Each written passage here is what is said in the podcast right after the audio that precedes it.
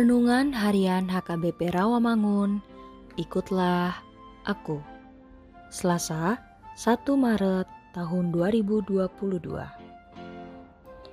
Dengan judul Tuhan memberikan solusi di setiap persoalan hidup.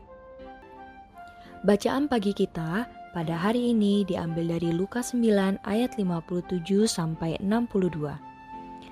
Bacaan malam kita pada hari ini diambil dari Markus 10 ayat 21 sampai 27.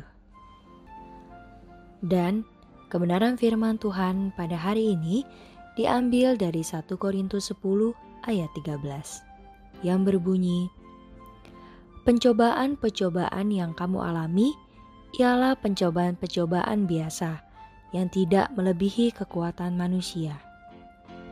Sebab Allah setia dan karena itu ia tidak akan membiarkan kamu dicobai melampaui kekuatanmu. Pada waktu kamu dicobai, ia akan memberikan kepadamu jalan keluar, sehingga kamu dapat menanggungnya. Demikianlah firman Tuhan.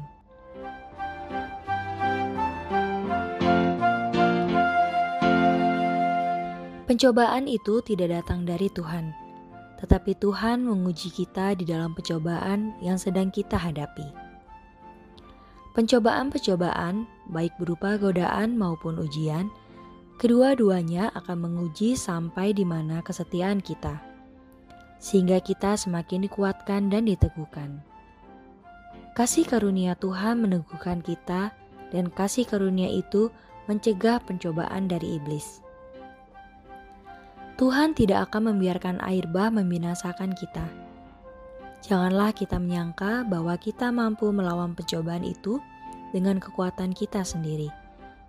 Melainkan hendaklah kita lari kepada Yesus yang menyambut kita dengan tangan terbuka dan hendaklah kita membiarkan Tuhan mengalahkan pencobaan itu. Menganggap sepele dosa berarti berbuat dosa dengan sengaja dan berharap akan rahmat Allah sambil tetap berbuat dosa. Karena itu mustahil kita percaya kepada Allah, menerima rahmat dan pengampunan dosa jika kita masih tetap tinggal di dalam dosa.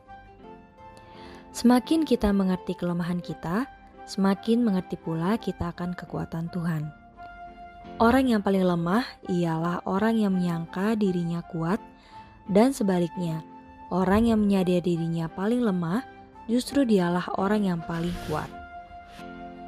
Dan sebaliknya, orang yang menyadari dirinya paling lemah justru dialah orang yang paling kuat, karena ia sudah belajar mengambil kekuatan dari Tuhan yang Maha Kuasa.